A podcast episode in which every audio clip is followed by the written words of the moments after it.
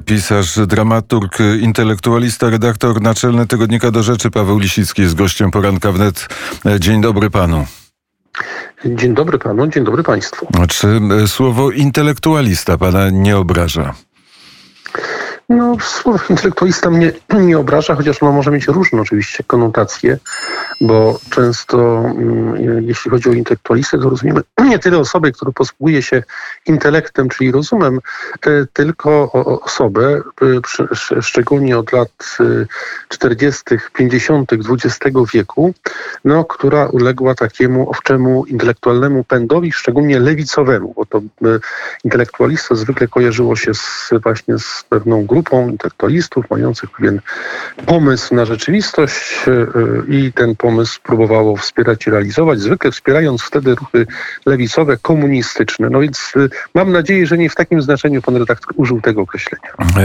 Intelektualista to jest ktoś, kto potrafi wprowadzić pewien porządek słów i za nie odpowiadać wtedy, kiedy je wypowiada. To może nie jest dokładna definicja intelektualista, ale może coś w tym stylu i tak można to intelektualistę zdefiniować, ale dobrze, zostawmy e, pojęcia i oceńmy ostatnie zdarzenia w Parlamencie Europejskim. No, zdarzenia w Parlamencie Europejskim są pewnego rodzaju no, konsekwencją tego konfliktu, o którym już wielokrotnie żeśmy y, na antenie Radia Wnet rozmawiali. Znaczy konfliktu, w którym to najkrócej mówiąc, wydaje mi się, że mamy do czynienia ze starciem wizji projektu, który jest promowany przez europejskie elity polityczne i intelektualne, nawiązując do początku naszej rozmowy. To jest wizja Europy jako państwa e, federacyjnego, sfederalizowanego, gdzie coraz większą rolę będzie pełniło centrum w stosunku do peryferiów. E, no i gdzie, e, że tak powiem, próbuje się wszystkich niesfornych, nie dość szybko dostosowanych albo mających inną koncepcję tego, czym powinna być Unia Europejska, zdyscyplinować. No, po drugiej stronie konfliktu, czy w tym przypadku wystąpił premier Mateusz Morawiecki, e, który reprezentował tę wizję, nazwijmy to suwerennościową, czy obrony polskiej niepodległości. Przynajmniej takie miał wystąpienie w Parlamencie Europejskim. No myślę, że najkrócej do tego można by to było chyba e, sprowadzić, jeśli chodzi o opis stron konfliktu czy sporu. Jeśli chodzi o kwestię merytoryczną, no bo to zajęło dużą, myślę, że zresztą to wyjątkowo zręczne wystąpienie premiera Morawieckiego, dobrze przygotowane, dobrze uargumentowane, gdzie on pokazał, e, że ta, to orzeczenie Trybunału Konstytucyjnego w Polsce nie różni się w żaden istotny sposób od pod, po, podobnych orzeczeń czy Trybunału Konstytucyjnego w Niemczech, czy y, Rady Konstytucyjnej we Francji. W różnych krajach, w różnych państwach Unii te ciała orzekające o zgodności ustawy czy ustaw z konstytucją mają różne nazwy, to sprowadza się to zwykle do tego samego, czyli do sprawy, do porównania, sprawdzenia Mm, czy ta zgodność występuje, czy też nie. Zresztą mm, chyba nawet 15 października było takie orzeczenie tej, tej, tej francuskiej Rady Konstytucyjnej, które mówiło o tym, że e, jakiekolwiek prawo, które, czy jakakolwiek dyrektywa unijna, która jest wprowadzana we Francji, musi odpowiadać e, francuskiej konstytucji. To się nawet pojawiło takie określenie tożsamości, tożsamości francuskiej konstytucji, czy konstytucyjnej tożsamości Francji. O tak to, tak to dokładnie brzmiało. Czyli nic Polska, czy Polski Trybunał Konstytucyjny moim zdaniem nie orzekł innego niż to, co orzekają inne trybunały podobne. To jest zresztą logiczne, no gdyby Trybunał orzekł, że polska konstytucja czy polskie prawo w, ma, w ogóle nie ma pierwszeństwa w tej sferze, którą dane państwo oddało w gestie czy w kompetencje unijne, no to państwo by dawno zniknęły, prawda? W ogóle konstytucje byłyby, trybunały konstytucyjne byłyby niepotrzebne i konstytucje jawiłyby się jako e, ustawy i dokumenty w gruncie rzeczy zbyteczne, no skoro, skoro nie ma sensu orzekania o ich zgodności między nimi a e, prawami europejskimi. No to jest kwestia, nazwijmy to merytoryczna, natomiast no, jest oczywiście pytanie o, o, o, o, to, czy to wystąpienie przyniosło skutki, czy mogło przynieść skutki, bo y, po drugiej stronie najpierw było wystąpienie pani Ursuli von der Leyen, która mam wrażenie no, y, y, zachowywała się trochę jak nauczyciel besztający ucznia w stosunku do polskiego premiera. pouczała, uczyła, tutaj nazywała i wskazywała, co należy zrobić. No i w podobnym duchu mm, brzmiały wystąpienia wielu innych przedstawicieli y, frakcji parlamentarnych w Parlamencie Europejskim. Wczoraj zresztą przyjęta została rezolucja, która podtrzymała wszystkie te zarzuty ze strony parlamentu. A czy nie jest tak, że już żeśmy się zgodzili na decydującą rolę centrum, przyjmując między innymi budżet, budżet europejski, godząc się na zasady praworządności, podejmując decyzje na temat Zielonego Ładu? To znaczy, no to jest ta druga część medalu, o której na razie nie wspominałem, bo jak mówię, wystąpienie premiera wydaje mi się było bardzo dobrze przygotowane, napisane i opracowane. Tylko no, to, czego ja kompletnie nie rozumiem. I mówiłem już o tym parę razy na, na, na, na antenie. No uważam, że Polska popełniła w tej sprawie dramatyczny błąd. To znaczy właściwie szereg błędów. Pierwszy i najważniejszy to oczywiście był lipiec zeszłego roku, kiedy Polska, no w tym sensie Polska, że polski rząd czy polski premier, zgodzili się na wprowadzenie zapisu wiążącego no, praworządność właśnie z mechanizmem udzielania mm, wsparcia finansowego czy pieniądze za praworządność, mówiąc w skrócie. To był lipiec zeszłego roku. Później na szczycie unijnym no to, to nieszczęsne i właściwie krępujące i i, i, i pętające polskie możliwości y, prawo zostało potwierdzone w listopadzie, kiedy premier miał ostatnią jeszcze możliwość skorzystania z weta. Nie skorzystał z tego weta, podpisał się pod tym mechanizmem w grudniu zeszłego roku, y, kiedy można było, no, zakładając, że, może, że nie, chodzi, nie tylko o ten mechanizm chodziło, ale Polska się również podpisała pod unijnym programem y, wprowadzania Zielonego Ładu, na czym państwom unijnym bardzo zależało i co w oczywisty sposób ten projekt projekt uderza w polskie interesy, bo w błyskawicznym tempie nakazuje odejście od węgla. Jak wiadomo, węgiel, tania energia w, w Polsce powszechnie, że tak powiem, możliwa do wykorzystania, oznacza no, drastyczne w przyszłości, pod, już teraz zresztą przecież obecnie drastyczne wzrosty y, cen e, energii. No, polski rząd, mając taką możliwość, nie zawetował tego. W marcu tego roku w Sejmie, no możemy sobie sięgnąć do tej wypowiedzi, premier publicznie obiecywał, że w żadnym wypadku ten mechanizm e, praworządność, pieniądze za praworządność nie zostanie zostanie zastosowany w stosunku do Polski, że nie mamy się czego obawiać, że Krajowy Plan Odbudowy przedstawiony przez rząd będzie przyjęty. To samo mówił minister spraw europejskich Konrad Szymański. Mówię, wystarczy sobie sięgnąć i wrzucić do Google'a te wypowiedzi z marca tego roku, gdzie by obaj panowie publicznie przyrzekali, że to, z czym mamy do czynienia, nie będziemy z tym mieli do czynienia. Rząd był do tego stopnia pewien siebie, pewny swego, że urządził wielką kampanię, przecież y, billboardową, gdzie już mówił o tych pieniądzach, które na ten krajowy plan odbudowy miały się pojawić. No, jak łatwo zauważyć, pieniądze się nie pojawiły, a właśnie stały się instrumentem presji, więc no, jakby to powiedzieć, niemal na własne życzenie, y, powiedziałbym tak, znaleźliśmy się w tej sytuacji i pozostaje nam no, to, co teraz się właśnie odbywa, czyli no, wypowiadanie skądinąd mądrych i słusznych y, słów, ale pozbawiliśmy się istotnych elementów, czy istotnych instrumentów, przy pomocy których Polska mogła swoich interesów dochodzić. Dlaczego się tak stało? Nie wiem. No, może to była jakaś wielka naiwność, może po prostu, no trudno mi powiedzieć właściwie, dlaczego się tak stało, ponieważ szczerze mówiąc, ja nie uważam siebie za jakiegoś wybitnego analityka y, polityki. Zakładam, że to, co mówię, to nie jest nic y, no, wyjątkowo przenikliwego. No ale każdy, kto się chociaż trochę polityką zajmuje i ocenia y, politykę zagraniczną w kategoriach właśnie walki sił, interesów, wpływów, no zdaje sobie sprawę, jakie skutki musi mieć y, zgodzenie się na niekorzystne warunki i niezabezpieczenie siebie w relacjach z, z innymi państwami, innymi instytucjami. No, to, to, to jest rzecz, że, że tak podkładanie się. Trudno mi zrozumieć, jak to się stało, szczerze mówiąc. Nie wiem. E, teraz jest e, szczyt Unii Europejskiej, który być może e, decyduje o tym, czy Polska dostanie te pieniądze, czy też tych pieniędzy nie dostanie. Jakie są informacje, jakie masz informacje z tego brukselskiego szczytu? No ja myślę, że nie mam żadnych innych informacji niż wszyscy je mają. To znaczy, że y, ja zakładam, że, tych, że te pieniądze y, na pewno nie pojawią się teraz. Myślę, że w stosunku do Polski będzie wywierana nieustanna presja. Tym najostrzejszym tutaj rzecznikiem y, nieprzyznania, bo, bo o tym, żeby Polsce nie przyznać tych pieniędzy publicznie, chcę powiedzieć, mówi się już też tak naprawdę od niedawna.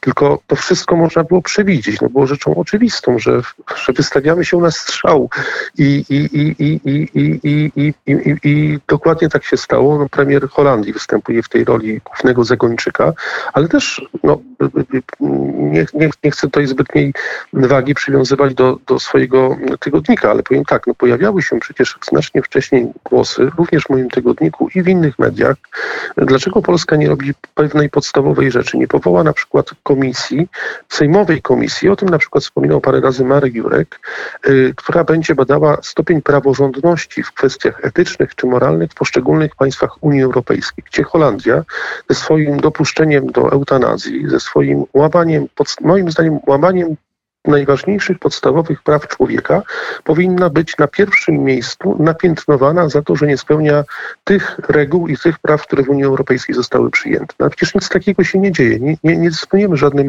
raportem. To, co ja teraz mówię, to jest głos publicysty w radiu, szacownym i bardzo miłym, no ale to jest po prostu prywatna opinia. Polskie państwo w tych miejscach, o których mówię, no nie potrafiło odpowiednio wcześnie zareagować i przygotować się na tę batalię, o której teraz mowa. I w związku z tym, nie mając takich instrumentów, nie mając takich dokumentów i takich raportów, sytuacja jest taka, że jakiś tam sobie premier Holandii beszcza polskiego premiera i opowiada, że Polska nie dostanie pieniędzy, w Polsce jest złamana praworządność, prawda? Tak jakby Holandia była tutaj wzorcem SEF i miała prawo w ogóle takie rzeczy wypowiadać. No.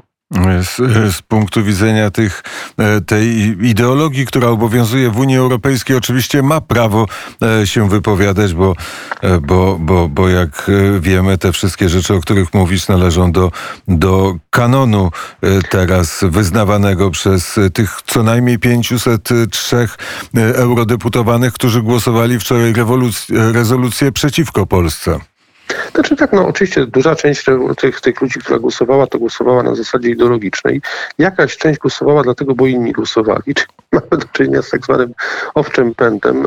Zakładam, że stopień ignorancji tam jest duży, ale ja mówię o, mówię o tym, że przecież ta ideologia, ona się nie urodziła wczoraj, tylko ona, e, ta ideologia lewicowo-liberalna, czy, czy, czy, czy genderowo-ekologiczna, ona w Unii Europejskiej no przecież działa, funkcjonuje i ma wpływ od wielu, wielu lat, a ze szczególnym nasileniem jakby pokazała się w stosunku do Polski od momentu, kiedy Prawo i Sprawiedliwość w 2015 roku doszło do władzy. I mówię tylko o tym, że widząc taką sytuację, polskie państwo powinno się moim zdaniem lepiej do tego konfliktu przygotować.